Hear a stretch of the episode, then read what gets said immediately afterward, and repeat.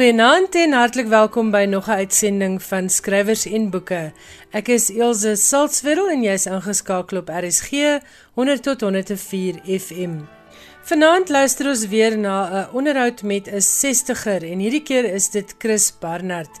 En as jy luister na die onderhoud wat Nick Swanepoel met hom gevoer het in 1993, sal jy verstaan hoekom Chris Barnard steeds beskou word as een van die veelsidigste skrywers in Afrikaans. Ek het die verwerking van hierdie onderhoud baie geniet. Al moes ek omtrent 20 minute sny aan Nick Swanepoel se onderhoud. Maar ek glo Chris Barnard bring 'n nuwe energie vir enigiemand wat lief is vir die Afrikaanse letterkunde, enige voornemende skrywer, enige sukkelende skrywer. Ek dink julle gaan almal vanaand iets wegneem van Chris Barnard se gesprek. Baie dankie aan Karen de Tooy en die mense daar by die argiewe wat weer eens vir ons 'n wonderlike gesprek beskikbaar gemaak het. Julle doen 'n reuse werk en ek kry baie terugvoer van luisteraars wat sê baie dankie dat hierdie gesprekke bewaar is. En onthou alle skrywers en boeke gesprekke is ook beskikbaar as 'n potgooi. Maar nou eers, Wyle Nick Swanepoel in gesprek met Wyle Chris Barnard En in die tweede helfte gaan professor Willie Burger met ons gesels oor Chris Barnard se nalatenskap. Ek hoop jy geniet hierdie gesprek.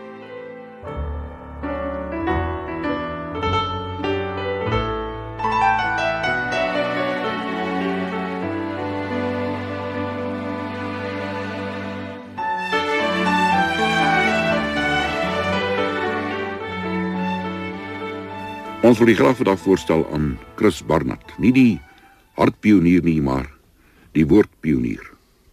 Chris Barnard, die skrywer. Chris, baie welkom by Dagjona. Baie dankie. Nou ja, as ons sou vinnig kyk, was jy die beoefenaar van die roman, die novelle, die kortverhaal, die essay, die skets, jeugverhaal, verhoogdrama, die radiohoorspel en die televisiedrama. Alle jare wat daar in 61 begin het, Chris, né? Dis reg, ja. Ons dink dit aan bekende onrus wat jou debuut was, maar jy het eintlik jou beeld voor die bekende onrus geskryf, né? Dis reg.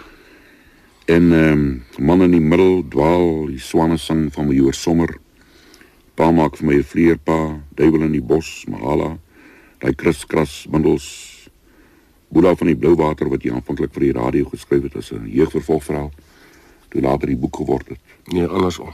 Andersom. Ja. O, goed. En eh uh, dan daar dan daar op Oudeur, voetpad na vergelegen, man met vakansie, tareboendery, stasie in die nuut, rebellie van Lafras verwy. Op die pad na Acapulco, ek raak uit asem in uitnodiging tot die dans. Dis om net om 'n paar te noem. Chris, vertel ons van jou wêreld waar jy gebore is. Daar in die Laagveld, 1939. Ja, ek is uh op 'n lemoenplaas daar net buite kan die dorp gebore. En ek dink nou vandag nog, jy weet, ek ek was nou 3 jaar laas daar en toe ek nou paar weke gelede vir die eerste keer weer so toe gegaan en ek het besef net weer eens hoe 'n uitwerking daardie landstreek op my gehad het as 'n mens en uiteindelik glo ek ook as 'n skrywer. Die verhouding tussen my en daardie stuk landskap. Hoe ouer ek word, hoe meer besef ek hoe ingrypend dit was, jy weet. Ek dink as ek 'n Hoëveldse kind was of 'n Vrystaatse kind of 'n Bolandse kind, sou ek totaal ander mens gewees het. En ek is baie lief vir daai wêreld. Vertel ons bietjie van die wêreld, hoe het hy gelyk? Jy weet vandag praat hulle van die Global Village, maar toe ek 'n jong seentjie was, was 'n uh, rit Pretoria toe was so 8 ure op 'n grondpad, jy weet. Jy het uh nie maklik so ver soos Pretoria gekom nie, want dan is jy eintlik al land uit.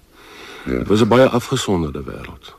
Primitiewe wêreld in die sin dat uh verbindinge was baie swak geweest. Telefone het amper nie bestaan nie. Ek meen daar was telefone, maar jy, as jy wou 'n oproep maak Witrifuur toe, jy weet, dan moet jy 'n oproep deursit en dan wag jy 2 ure om deur te kom.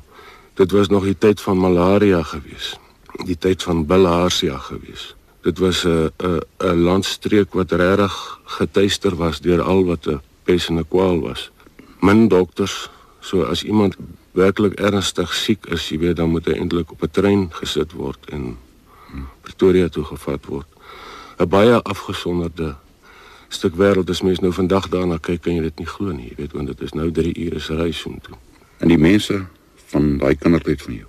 Ja, jy weet, ons was 'n baie gemengde gemeenskap. Dit was vreeslik baie van die van die mense van die Laagveld destyds was Engelse en Italianers en en en Duitsers wat eintlik kinders en agterkleinkinders was van die ou mense van die Goudstormloop in Barberton.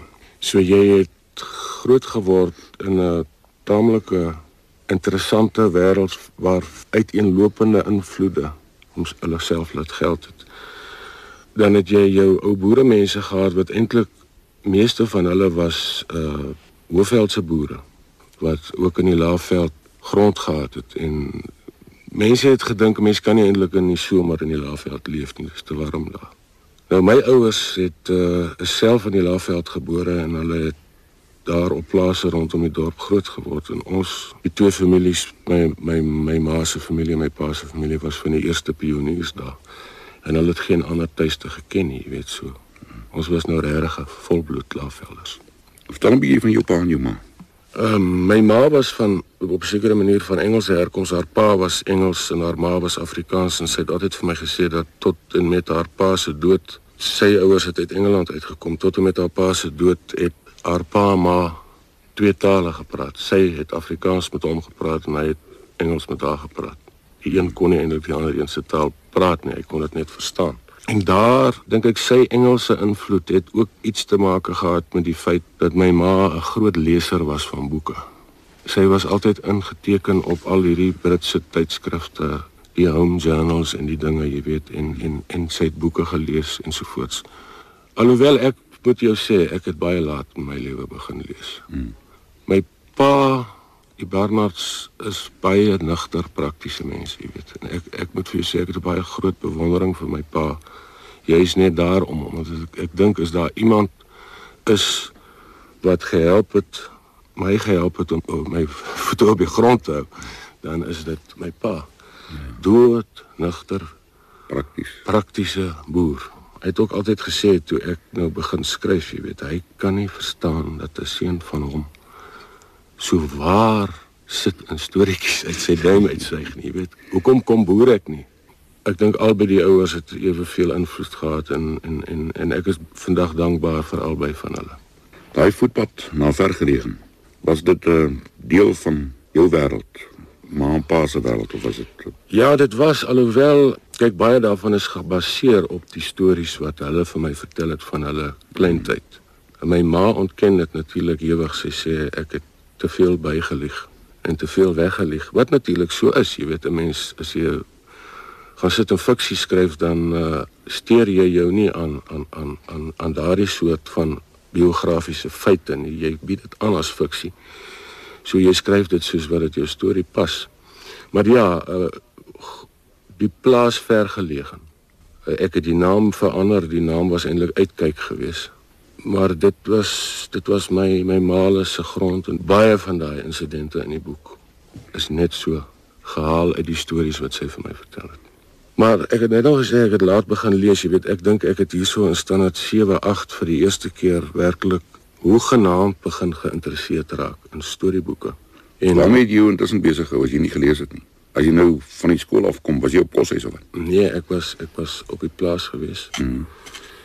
Jong, ek was 'n veldmens. As my huiswerk klaar gedoen is en dan dan is ek gewoonlik in die veld in gewees met die honde. Mm. En dan kom ek nou eers donker terug. Dit uh dit was vir my verskriklik belangrik. Dit is vandag nog vir my belangrik. Ek het 'n stukkie grond buite kan die stad en as, as ek die naweek nie kon op die plaasie wees nie, jy weet, dan voel ek nou totaal heeltemal verlore. Christen toe is jy Nelspruit toe, hoërskool toe. Ja. In die stadium toe toe toe ek graad 1 toe is, toe was dit 'n uh, baie klein skooltjie en daar was nie eers 'n hoërskool nie, jy weet, in in in die ou gebouetjie is is mense het het het uh ek dink dit was tot by standaard 8 gewees. Die, die tyd wat ek standaard 6 bereik het, toe was daar nou pas 'n nuwe hoërskool gebou, so toe kon ek tot by matriek daar skool gaan. Hmm. Was daar 'n onderwyser of iemand wat jy onthou wat op jou so onbewustelik dan daai tyd invloed gehad het? Iets met letterkunde te maak of oor skryf? Ek was gelukkig uh, in die sin dat uh, sowel my Afrikaanse as Engelse onderwyser uh, op hoërskool was werklik toegewyde onderwysers. Hmm. My Afrikaans onderwyser, meneer Pretorius, Saartjie Pretorius het uh werklik ernstig belang gestel in wat ek toe besig was om te doen want ek het toe begin nou my eerste ek het aanvanklik natuurlik gedigte geskryf want ek dink dis waar enige adolessent begin, jy weet. En nadat hy nou 'n jaar of meer vir my leiding gegee het met my gedigte en toe met my eerste kortverhaaltjies, toe hy laat blyk dat hy self ook gedigte skryf. En ek moet vir jou sê die gedigte van hom wat ek gesien het was was vir my briljant geweest ek is wonder vandag nog hoekom hy nie gepubliseer het nie. Ja. Leef hy nog Chris of weet jy nie?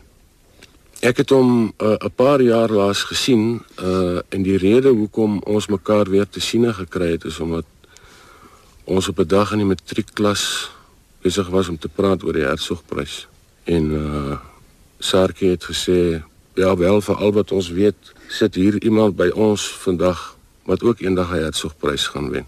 'n Wonderbaarlike En uh almal kyk toe vir my want almal weet ek is die enigste een in die klas wat skryf, jy weet, en ek ek het gedink dis 'n wonderlike kompliment, maar dis miskien 'n bietjie ver gesog.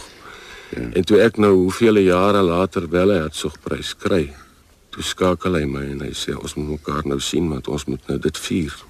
Oor die Chris en Haap hoërskool is jy toe uh, Pretoria Universiteit toe.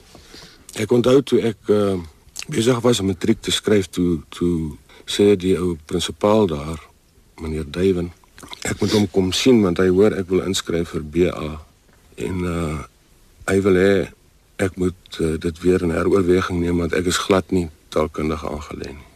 Al my aanlegtoetse wys ek moet liewer wiskunde en wetenskap en daai soort van vakke neem. En ek gaan my tyd mors met tale. Jy weet ek het 'n bietjie vir hom in my mou gelag want ek dog weet jy dan nie van hierdie wonderlike opstelle wat ek skryf nie. Ja.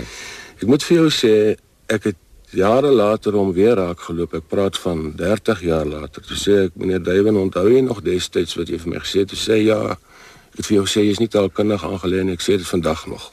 Ja, en ek ek dink in 'n sekere sin is hy reg. Ek dink as ek vandag kon oorkies, sou ek heel waarskynlik in die plantkunde gestudeer het. Ja, maar Chris, dan sou die letterkunde dan baie armer gewees het. Daar's baie mediese dokters en mense wat uh, wat wat ja, hulle altyd goeie skrywers is, jy weet, maar ek is nie taalkundig aangeleer nie. Ek sien dit vandag. Ek is uh, ek ek sukkel om 'n taal aan te leer.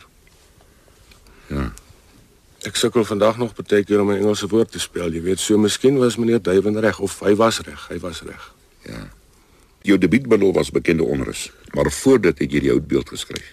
Was jy nie toe iets soos 19 of so iets nie? Of het jy voor die tyd goed geskryf wat gepubliseer is? My heel eerste werk wat gepubliseer is, is gepubliseer in die sin dat dit uitgesaai is. Ek het 'n paar kortverhale in my eerste jaar op universiteit geskryf wat uh, ek destyds nog aan oom Tuis van Lille voorgelê het.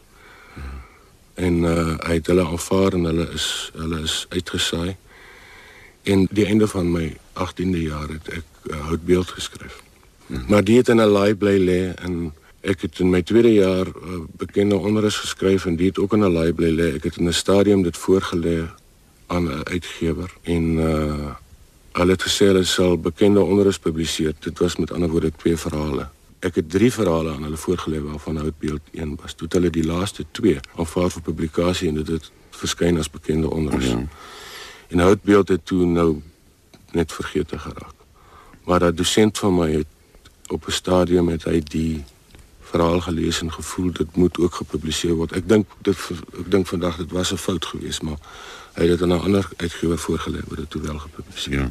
En jy het beeld sover as ek kan onthou, ehm um, het gegaan oor daai jong onderwyser. Sy ma was 'n wit vrou en sy pa was 'n bruin man, 'n onbekende bruin man. En na hele vissersgemeenskap, wanneer het jy met die vissersgemeenskap kennis gemaak of is dit maar 'n verbeeldingsvlug? Kyk, jy sien, ek dink dit is miskien deel van die probleem van die verhaal. Ek ek het dit self so lank laas gelees dat ek moet nou uh terugval op oordeele wat ek jare gelede gemaak het, maar ek het glad nie die breinmense geken om mee te begin nie. Mm. Hulle manier van praat. Ek meen al wat ek daarvan geweet het is 'n bietjie wat ek oor die radio gehoor het. Ja. Uh, hulle manier van dink en optree het ek glad nie geken nie. En uh die die visserswêreld het ek glad nie geken nie. En ek dink ek was totaal uit my diepte uit en dit is 'n les wat 'n skrywer later leer. Jy weet hoe nader jy bly aan die dinge wat jy self ken, hmm. hoe beter vir jou. Toe jy nou die graad gekry het, wat maak jy toe? Wel, ek was vir 3 maande werkloos, jy weet, ek kon nie werk kry nie. Ek wou baie graag toe in die journalistiek ingaan. Hmm. Uh waarskynlik om die verkeerde redes. Ek het gedink omdat ek kan 'n paragraaf skryf. Uh ek kan seker maar 'n joernalis wees. Uh wat nie noodwendig so is nie. Ek het ek het uiteindelik werk gekry by die Vaderland in Pretoria en uh ek was uiteindelik uh 15 of meer jare was ek 'n joernalis. Maar ek weet vandag nog nie hoe ek dit reg gekry het nie. Jy weet want die die soort omgang met die taal en ensovoorts het seker het, het seker vir my baie geleer. Maar ek was nooit tuis in die journalistiek nie. Maar daar was nie baie alternatiewe nie, jy weet. Uh ek meen jy kan nie gaan voltyds skryf nie en uh, jy voel die enigste ding wat jy kan doen is skryf, so jy jy is dan maar joernalis. Nou toe is jy oor see. Watter jaar was dit? Dit was 1964. 64. Wat wou jy gemaak het? Ek wou die wêreld 'n bietjie sien. Ek moet vir jou sê die groot dryfveer was was eintlik Bartie Smit geweest. Hmm. Want ek het in daai stadium ook juis onder sy invloed het ek vir die eerste keer begin vir die verhoog skryf. Ag ek het van tevore een bedryfie geskryf, maar dit was eintlik sommer toevallig geweest. Hy het my baie aangemoedig om te probeer vir die verhoog skryf want hy het gesê hy voel ek skryf 'n taamlike natuurlike dialoog in. Uh en toe toe hy nou die die manuskrip van Vleer lees, toe sê hy vir my uh hy dink is miskien tyd dat ek oor see gaan en gaan kyk wat doen die Europese skrywers. Jy weet, hy het waarskynlik gevoel ek beweeg te naby aan Beckett ja. en aan UNESCO en ek het in daai stadium eintlik nie veel van hulle geweet nie. Nie gelees op nie. Nie gelees nie. Ek het oor hulle gelees.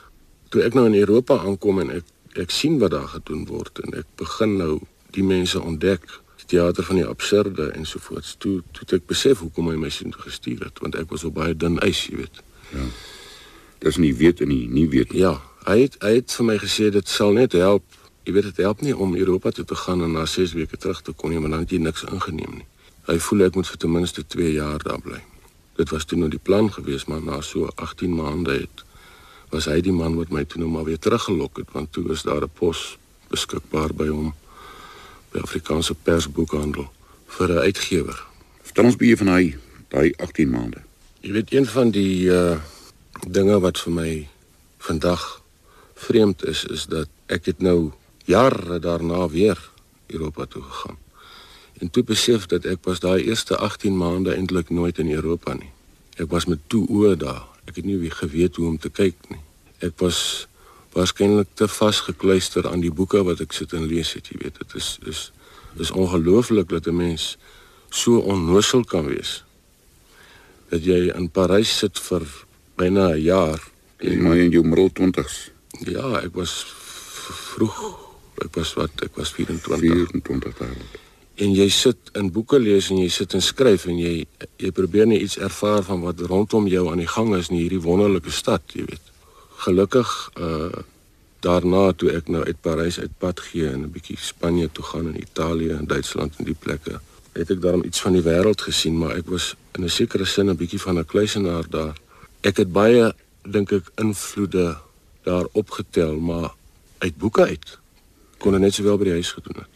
Maar daar was al mense daar was mense en daar was teater ek het baie teater gesien en uh daar was ons mense ook Was Breiten daai tyd daar of ek het Breiten daar leer ken, ja. Mm. Uh was Bartu nie ook daar nie?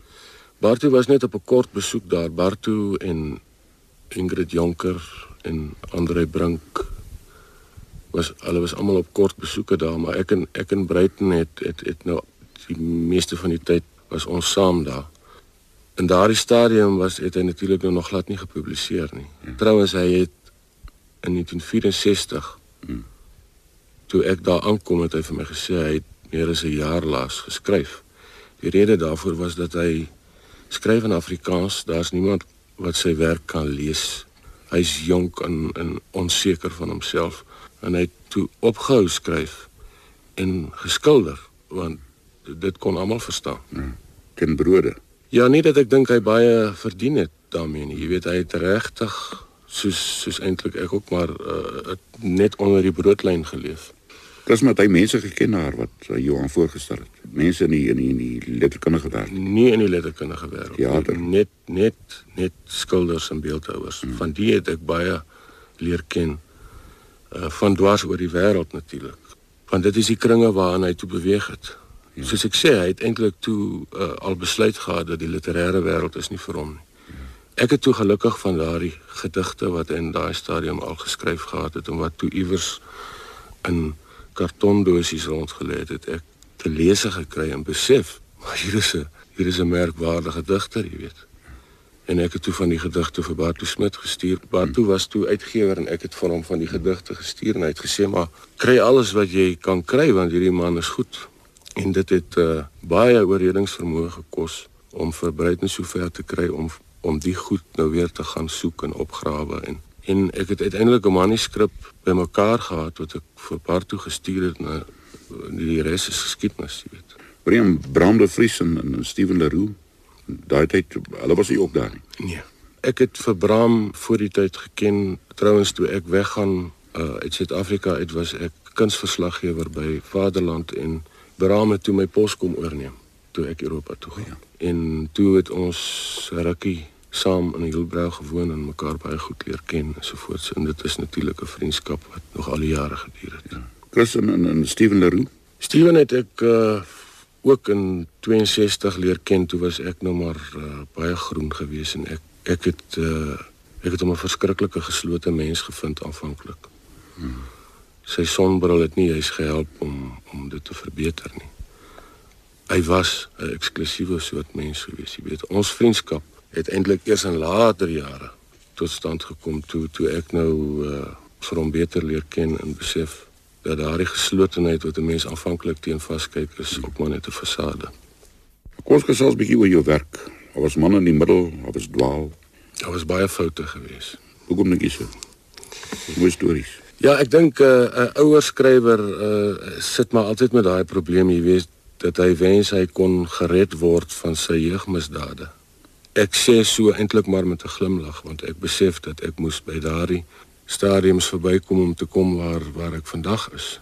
Maar as ek kon kies sou ek tog sekere verhale nie gepubliseer het nie. Ek dink byvoorbeeld man in die middel, ek sou kon klaar gekom het sonder man in die middel. Dit was maar voortsetting dink ek van die houtbeeld was dit nie? Dit was voortsetting daarvan en toe was dit nou in 'n stedelike milieu geplaas, maar ek het nog met dieselfde probleem gesit. Ek het nog steeds nie die breinman geken nie. Ek sal vandag ook nog nie voel dat ek hom goed genoeg ken om oor hom as breinmens te skryf nie as mens ja maar uh mens moet jou hou by die dinge wat jy ken kom ons gesels 'n bietjie oor jou radio dramas jou radio hoorspelling ja ek moet vir jou sê Dan Retief hele Dan Retief het, uh, het het daar 'n baie groot rol gespeel hy het my daardie tyd en ek praat nou weer van ongeveer 263 baie aangemoedig om vir die radio te skryf ek het gevoel ek ken nie die medium goed genoeg nie, maar hy het aangehou en ek het toe nou begin. Ek dink hy was in daardie tyd hoof van jeugprogramme. Organiseerder, ja, ja. jeugprogramme. En uh, ek het toe vir hom enetjie geskryf.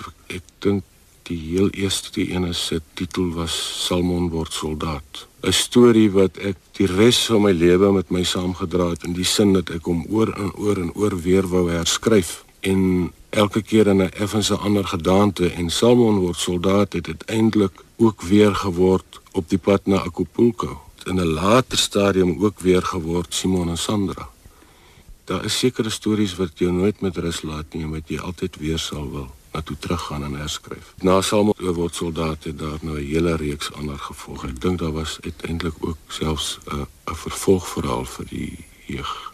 Maar nou ja, daarvandaan het toe uiteindelik gevolg die rebellie van Lafras verwy, maar dit was heelwat jare later. Dit was toe nou weer Kornorke wat in daai stadium begin het. Dis reg ja. Die rebellie van Lafras verwy. Heelwat toekennings daarvoor ontvang.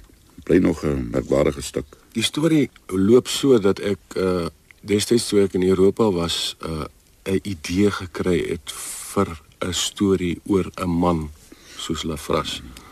Ek onthou ek het eendag in 'n kafeetjie gesit in Londen en dis so 'n misterige reentjie buitekant. Hier kom hierdie man aan op 'n trapfiets met 'n toebroodjie blik agter op die drarak en hy kom parkeer sy fiets daar teen die teen die kafee se venster en hy staan en kyk vir ons daar binnekant. En hy kom in en hy bestel vir hom 'n toebroodjie en hy vat dit buitekant toe en sit dit in sy broodblikkie en ry weg. En ek dink wie is die man, jy weet? Ja. en wat is sy storie? En ek het 'n hele paar jaar lank notas gemaak oor hierdie man en ek het gedink dit sal seker 'n roman word en ek onthou nog die roman se titel sou wees 'n man soos ek. Ek het nooit by die skryf daarvan uitgekom nie, maar op 'n dag toe word daar 'n radio hoorspel kompetisie uitgeskryf deur die SAIK en die Belgiese radio en televisie. En Cornorke vra vir my of ek sal inskryf en ek sê maar ek het nie 'n storie nie. En hy het maande lank aangehou, jy weet ek moet skryf in 4 of 5 weke voor die tyd, 6 weke voor voor die sluitingsdatum. Toe sê Cor, wil ek wil net vir jou sê as jy nie gaan inskryf vir hierdie kompetisie nie, dan uh, is ons vriendskap daarmee heen, jy weet. Hmm. En skielik toe ek die aand by die huis kom toe dink ek maar die roman sou kon 'n hoorspel ook wees. Eintlik sal dit beter hoorspel wees as 'n roman want hierdie hierdie man leef in sy verbeeldings eie verbeeldingswêreld. En daai verbeeldingswêreld sou jy met byklanke kon skep die werklikheid teenoor die verbeelding. Die oomblik toe ek dit besef, toe is die storie eintlik baster klaar geskryf, jy weet, ek het gaan sit en nooit weer ophou skryf voor die voor die voor die voor die drama klaar was nie. Nou hy het toe uiteindelik die prys gewen wat wonderlik was en hy is sedertdien in 'n stuk of 8 9 tale vertaal. Hy is vir die verhoog op die verhoog opgevoer. Ek was nooit spyt dat ek dit geskryf het nie. Ek is nog altyd vir kort dankbaar en ek het uiteindelik die boek aan hom opgedra. Chris, ons het so baie om oor te gesels. Daai kras kras bundels van jou. Daai kort kernagtige pragtige stories. Ek weet nie wel is daarvoor nie. Nee, ek uh, ek dink my tyd raak nou te min, jy weet, ek moet probeer die die jare wat ek oor het, miskien aan iets anders bestee en daarmee probeer ek regtig nie die kriskrasse afmaak nie. Nee, jy moet ook. Maar daar's te veel ander goed wat ek nog wil doen. Ja, uh kriskras het uh nie op eie inisiatief ontstaan nie. Dit was my redakteur. Ek was destyds verbonde aan huisgenoot. En my redakteur het gevoel hy wil 'n rubriek hê, 'n weeklikse rubriek en hy het gevoel ek is die aangewese een om dit te skryf. Ek het dit baie teesinnig begin doen. Uh, ek het gevoel om weekliks so iets uit jou mou te skud is is is baie gevra. Daar is sekere mense wat dit doen, jy weet, daar is sekere mense wat daar daarop floreer, maar ek ek is nie so iemand nie. Ek werk baie stadig. En hoe ouer ek word, lyk my hoe stadiger werk ek, maar goed, ek het dit toe begin doen en uiteindelik ek dink as ek vandag terugkyk dan dink ek ek moet weer eens vir my redakteur van destyds PA Joubert dankie sê want uh van die suiwerste klein kort goedjies wat ek ooit geskryf het was in Chris Kras gewees en dit sou beslis nooit geskryf gewees het as dit nie vir hom was nie. Nie almal kon ewe goed wees nie, jy weet, maar af en toe, af en toe het daar net een uitgeval wat gewerk het. In die televisiedrama Tara Boondery byvoorbeeld. Wat jou laat besluit om vir televisie te skryf? Is dit 'n uitdaging geweest? Ek was aanvanklik baie skepties oor televisie. Ek dink een van my uh, grootste foute wat ek gemaak het was om te sê toe televisie in Suid-Afrika ingestel word dat ek sal nooit iets daarmee te doen hê nie en ek dink in elk geval nie ons is toegerus om dit om, doen nie. om dit te kan doen nie en dit gaan uh, gesukkel en gevroetelende geploerd wees Maar uh, ek onthou Jan Skutte het, het het ons destyds 'n paar van ons ingeroep en hy het vir ons 'n paar Franse tele kort televisiedramas gewys. Dis nou voor televisie begin het. En uh een van hulle, die huweliksaansoek, het my totaal aangegryp want ek het skielik gesien hoe 'n geweldige medium hierdie kan wees as jy hom reg gebruik. Want in daardie hele drama word daar byna geen dialoog gebruik nie byna alles word met die kamera vertel. En voor ek myself kon kry, toe sit ek in krap, jy weet, en soek. Toe toe skryf ek nagspel. Dit was my heel eerste televisiedramatjie. En ek het soveel bevrediging daaruit gekry dat ek besef het skielik maar hier is hier is hier is 'n medium wat ek nie moet onderskat nie. Nou ja, die res wat toe daarna gebeur het is ek is toe met Katinka getroud En as jy met Katinka Heinz getroud is, is jy met televisie en met die rolprent getroud, jy weet. Ons het begin saamwerk en uh, ek het daarna jare lank byna uitsluitlik net vir televisie gewerk. Chris, jy het nou gesê jy het in die begin jare, jou ontleikende jare nie baie gelees nie. Lees jy vandag of jy nie tyd vir lees nie? Ek ek lees op die oomblik baie minder as wat ek graag wil. Hmm. Nee, wat ek wat ek nou nou daaroor wou wou sê is uh ek was nie uh, jy weet daar's mense wat sê hulle het begin lees vandat hulle hulle oë oopgemaak het. Ek ek ek is ek is laat in my lewe bekeer, laat in die sin dat ek eers hier by staan het sewe rond boeke ontdek het. En ek onthou ek het speurverhale gelees, jy weet, ek het uh Engelse boeke gelees en uh ek het agter die storie aangelees. En op 'n dag was ek in die skoolbiblioteek en ek haal 'n boek van die rak af en die titel interesseer my, Kringloop van die winde van Seun van die Juffers. Hmm. Ek glo nie ek het in daai stadium hoegenaamd geweet wie is Seun van die Juffers. Toe toe begin ek die boek lees, Dial. Ken jy daai storie? Dial. So 'n kort novelle hmm. van hierdie skaapskeerder. Ja, dis reg. En ek sien maar hier is hier is iemand besig om om te gaan met Afrikaans en om te gaan met die mens op 'n manier wat ek nog nooit van tevore gesien het of van geweet het. En ek dink daardie dag het, het ek tot bekering gekom. Ja. En van daardie dag af het ek begin seën van die Juffrou lees, het dit toe daar begin. Dis 'n goeie begin, Chris. Toe lees ek natuurlik nou als van hom wat voorkom en toe word dit nou ja, de Klerk en dit word Willem van der Berg en toe gaan dit nou verder. Nee, ek het in my in my 20er en 30er jare het ek miskien meer gelees as wat vir my goed was omdat ek amper niks anders gedoen het nie. Ongelukkig deesdae is tyd skaars en uh as ek kan sit ek liewer en skryf as om te lees. Alhoewel ek daarom so min of meer op die hoogte probeer bly van wat in Afrikaans aangaan en ek gaan maar altyd weer terug na my ou geliefde skrywers toe soos Graham Greene en en die mense. Jy jou aan resensente? Ek dink baie mense sê nee, ek dink hulle lieg as hulle so sê. Ek dink enige iemand uh uh steur hom. Party beweer hulle lees nie eers die goed nie. ja, maar ek glo dit glad nie. Uh ek dink al wat ek kan sê is dat 'n mens later leer aan wie jy jou steur en aan wie nie. Sekere resensies is so duidelik van die merk af dat jy jou nie daaraan kan steur nie. Maar dan jy leer later na wie jy moet luister. Dis watter dinge is vir jou belangrik in die lewe? So baie dinge. so baie dinge. Mense moet liewer sê wat is nie vir my belangrik nie want ek dink dit sou 'n korter lysie wees. Uh mense interesseer my, jy weet, maar ek is ek is nie 'n goeie menger nie. Ek ek ek ek is geneig om uh, op die paviljoen te sit en vir die wedstryd te kyk. En in daai sin is ek dan mal oor rugby. Maar uh ek dink ek, ek is net so lief daarvoor om op my eie te wees. Hou jy van boks? Mal oor boks, ja. Ja, jy het jouself ook geboks, weet ek nie. Ek het op skool geboks. Hm. Is drama. Boks is drama. Rugby is drama. Jy weet, ek het al skrywers, uh verhoogskrywers teëgekom en en en en en regisseurs en en spelers wat vir my sê hulle weet nie hoe kan mense 80 minute lank sit en kyk hoe mense agter 'n bal aanhardloop nie en dan besef ek maar hierdie mense of hulle weet niks van drama af nie of hulle het nog nooit rugby gesien nie uh, as ek kon 'n drama skryf wat die soort spanning bevat wat 'n goeie boksgeveg bevat, sou ek 'n briljante dramaturg gewees het. Selfe geld vir 'n rugbywedstryd. Dieselfde geld vir 'n een eendagse cricketwedstryd. Ja. As daai laaste bowlbeurt, jy weet, die wen of verloor kan kan kan maak. Dis drama. Chris, jou seuns beteken vir jou baie. Ja, ek het uh, vier seuns van my eie die oudste een Johannes 'n landskapargitek hier in die stad in Johannesburg. Die Stefan is 'n meganiese ingenieur. Tian uh, is 'n man wat in die politiek belangstel. Uh, hy het nog nie presies besluit wat sy rigting gaan gaan wees nie. En uh, Simon die jongste ene my en Katinka se seentjie is in standaard 1 en heeltemal net so verstrooid en deurmekaar soos sy pa. Elke ou droom seker maar oor die dag wanneer jy die groot groot roman gaan skryf. Jy ook seker Chris. Dis kyk is altyd jou volgende ene.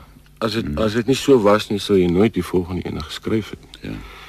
Ek het nog nooit gaan sit en iets skryf sonder om te dink dit gaan die beste wees wat ek nog gedoen het nie. Ja. E, ek was natuurlik die meeste van die tyd verkeerd geweest, maar ek dink die oomblik as jy sou gaan sit en dink jy gaan maar net nog iets skryf, sal jy nie weer skryf nie. As jy nou so drome droom.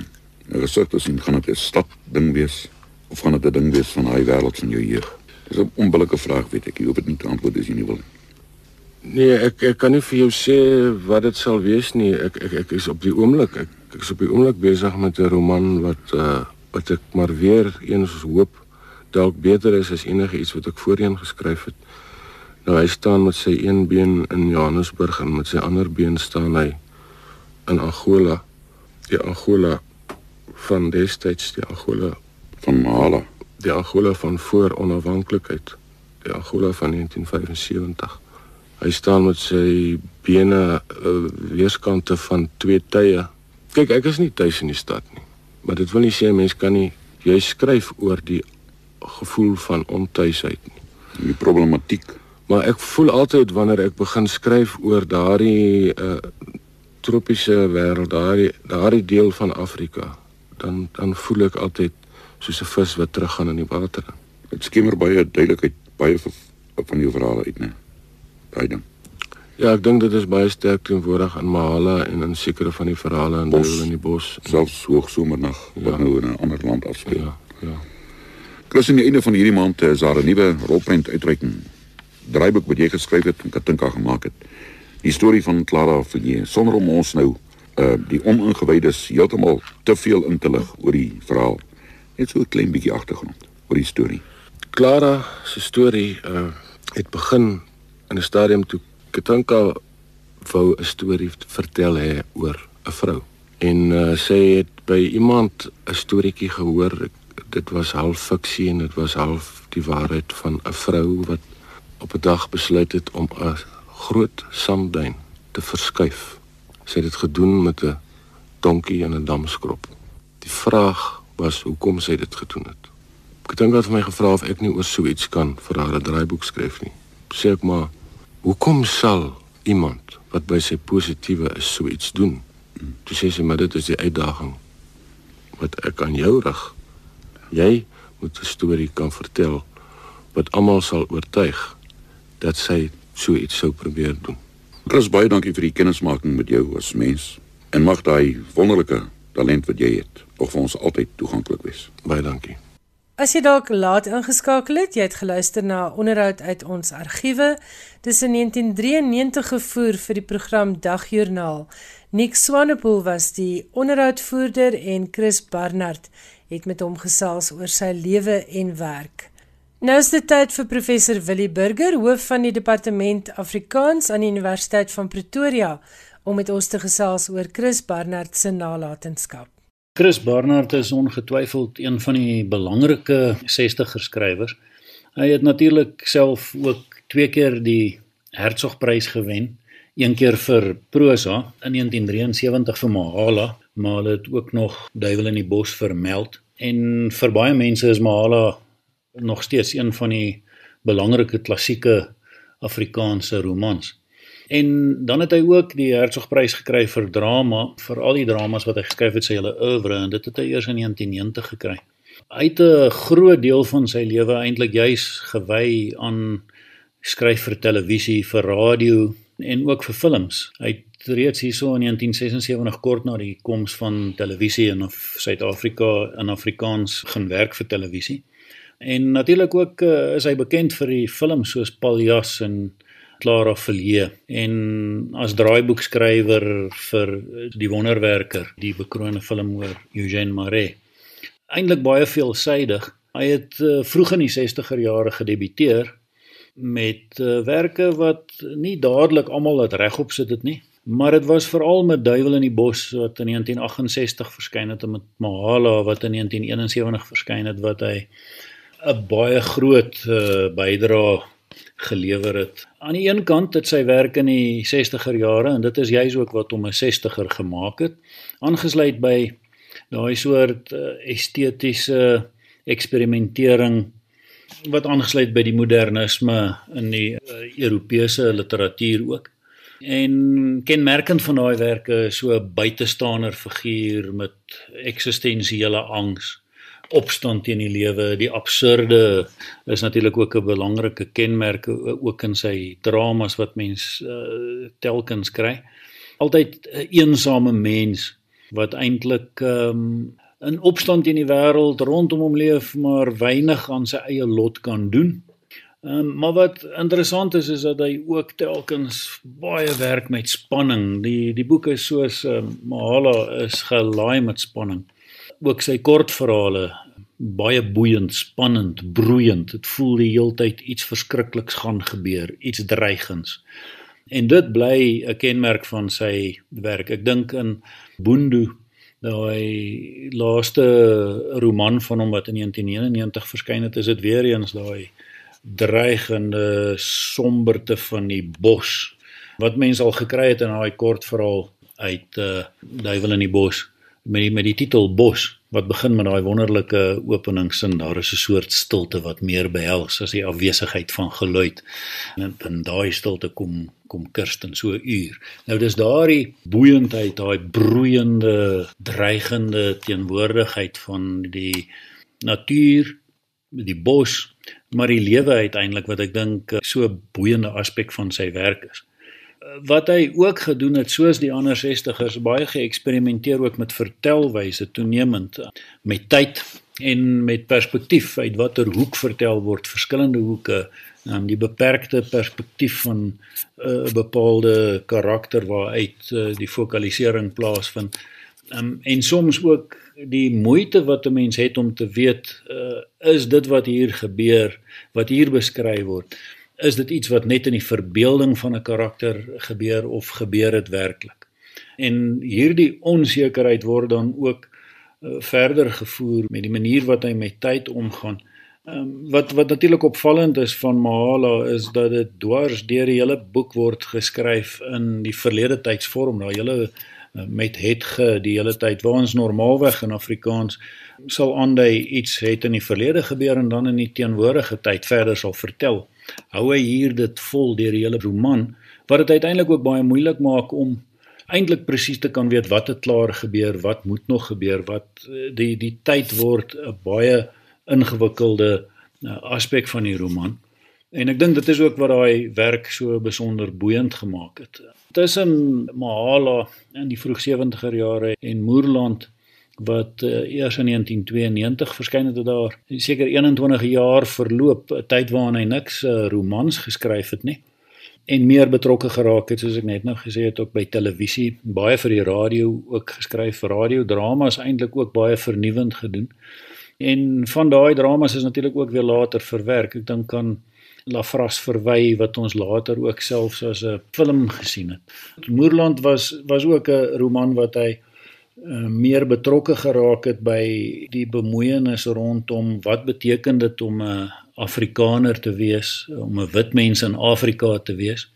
Die interessante hoofkarakter wat 'n swart afstammeling is van die Dorsland trek wat dan in 1976 wanneer die Portugese uit Angola gejaag word met die dekolonisering na Suid-Afrika toe kom en dan en dan hier agterkom hoewel hy gedink het hy's eintlik 'n Afrikaner uh, word hy ook nie aanvaar nie en op die manier ook 'n belangrike bydrae tot daai tema gelewer nou, oor dekolonisering. Die een ding wat 'n mens ook moet natuurlik altyd onthou van die 60ers, ons praat ook so maklik van die 60ers asof hulle almal dieselfde is, maar daar was natuurlik ook maar baie verskille tussen die 60ers. Ek dink mense kan net uh, verwys na die kol debat uit uh, 1968 toe Barnard hulle begin het met 'n nuwe tydskrif Kol en onder meer het Breiten Breitenberg 'n aanval half gelewer op hulle en gesê wat wil julle nou eintlik ook doen en wat is hierdie 60 en wat julle bereik?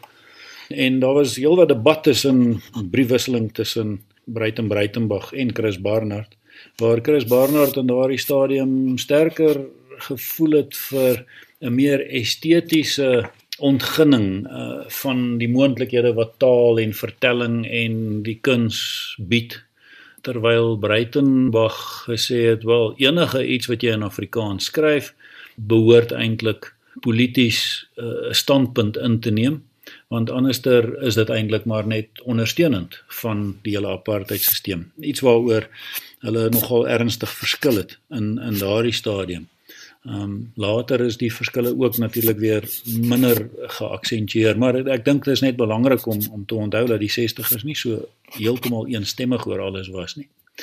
Wat ehm um, Chris Barnard egter ook baie interessant maak is dat hy die herentyd ook ehm um, in plekke soos die huisgenoot geskryf het en daardie uh, rubrieke van hom kort sketse essays is later ook opgeneem in bundels die Chris Kras bundels um, in 72 en in 76 en 1985 ook so onder deur die maan en uh, jy weet daai goed is baie keer vir my ongelooflike uh, goeie stukke werk. Ek ek het een keer net nadat 'n ou lap se blou verskyn het, ek dink dit was in 2008 het ek 'n uh, onderhoud gehad met Chris Barnard toe die boek bekend gestel is nog.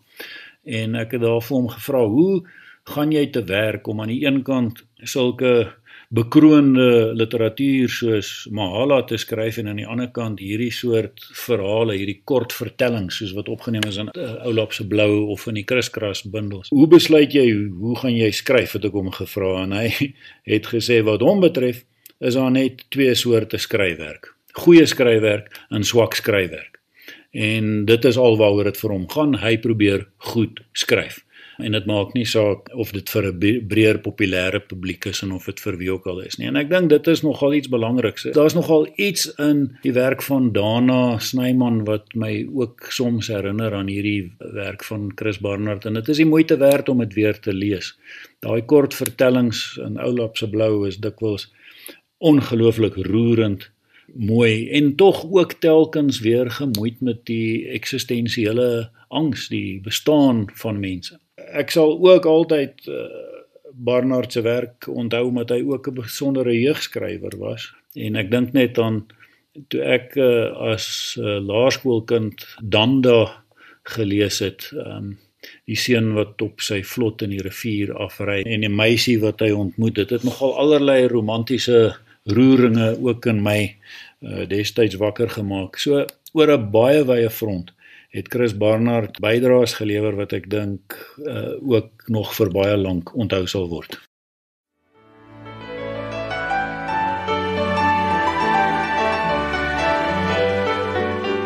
Baie dankie professor Willie Burger, hoof van die departement van Afrikaans aan die Universiteit van Pretoria. Dis ongelukkig al waarvoor ek tyd het in finansies skrywers en boeke, maar volgende Woensdag aand om 8:00 is ek weer terug. En dan gesels ons weer oor 'n paar nuwe uitreikings boeke in Afrikaans wat jy beslis moet aanskaf. Tot dan groet ek Elsje Salzwetel. Ek hoop jy het 'n wonderlike week met stapels lekker leesgoed. Ek hoop jy is warm en ek hoop jy is veilig. Tot ons weer saamkuier. Totsiens.